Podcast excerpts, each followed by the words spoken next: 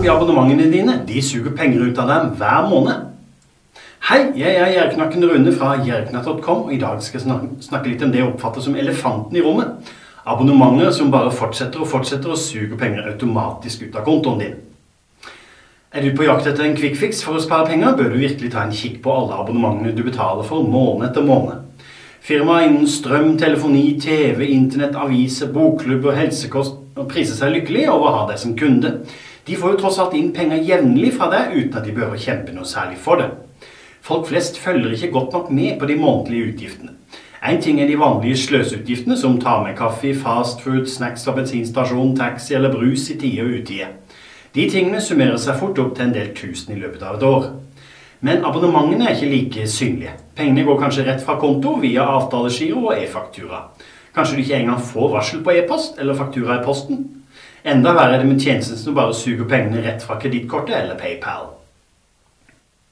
Aviser, enten papirutgave eller digital versjon. Abonnerer du på papiraviser som havner i papirsøpla ulest fordi du ikke har tid eller lyst til å lese dem, er det kanskje på tide å stoppe abonnementet. Her jeg bor hadde vi før to lokalaviser som vi abonnerte på, men etter at den ene regionalavisa eh, skifta fokus så kommer stadig færre artikler fra området vårt, tok vi en diskusjon i Gjerriheimen om vi kunne kutte ut denne avisa. Det betydde faktisk en besparelse på over 3000 kroner i året. I gamle dager hendte det at vi kjøpte VG eller Dagbladet når vi var innom en kiosk eller butikk. Det har vi helt slutta med. Nyheter av den sorten finner man jo mer enn nok av på nettet gratis. Det er sjelden jeg erger meg over at noen av nyhetene blir plassert bak en betalingsmur. Og hvorfor skal jeg betale flere hundre kroner i året for å lese noen plussnyheter?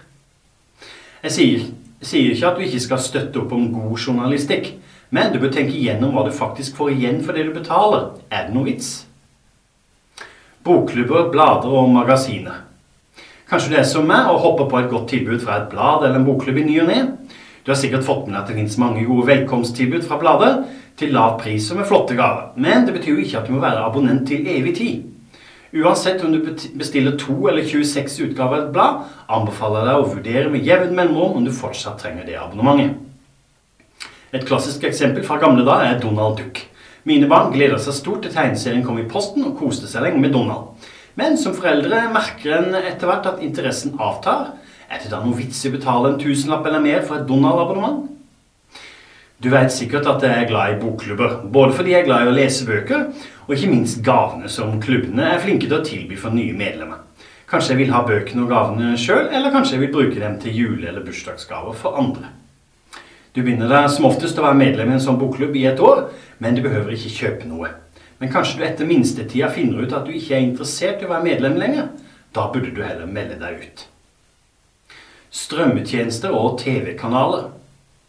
I gamle dager var det enkelt å følge med. Mange erga seg grønne over NRK-lisensen, men betalte jo selvsagt. Så kom kabel- og satellitt-TV med selskaper som Get og NextGen til uh, Riks-TV Viasat Kanal Digital. De siste par åra har Netflix, HBO og andre strømmetjenester lokka mange nordmenn til abonnementet. Men hvor mye ser du egentlig på filmer og serier? Behøver du virkelig de store kanalpakkene fra f.eks. Kanal Digital, Tiwi, Viasat, Riks-TV, hva det nå heter? Logg deg inn og sjekk hva du faktisk punger ut, og for hva. Netflix, HBO, Dplay, Viaplay, hva det heter, er skumle greier for lommeboka. Iallfall hvis du ikke bruker dem noe særlig. Det er kjapt over en hundrings ut hver eneste måned. Men husk at det ikke er noen bindingstid på de strøm strømtjenestene, så du kan si opp når som helst. Det samme gjelder selvsagt for musikktjenester som Spotify. Det skjer lett at sånne tjenester ikke brukes lenger, eller kanskje du kan sjekke opp om det finnes varianter som gjør at du sparer litt ekstra. For mye kaos i abonnementsporteføljen din, skaff deg et nytt kreditt- eller bankkort. En ting er å følge med på faktura og e-faktura som dukker opp i postkassa eller mailboksen. Eh, men som nevnt tidligere, så er noen tjenester suger bare penger ut av deg fra kredittkortet. Dersom du har registrert kreditt- eller bankkort i øst og vest, og sliter med å få en oversikt over hvor pengene tar veien, er det en kjapp løsning. Ta kontakt med banken din og be om et nytt kort. Når ditt nåværende kort ikke lenger er gyldig, vil du nok kjapt få beskjed fra dem som ikke lenger kan tyne kortet ditt måned for måned. Så kan du heller bestemme da om du gidder å fortsette. En annen ting du bør huske på.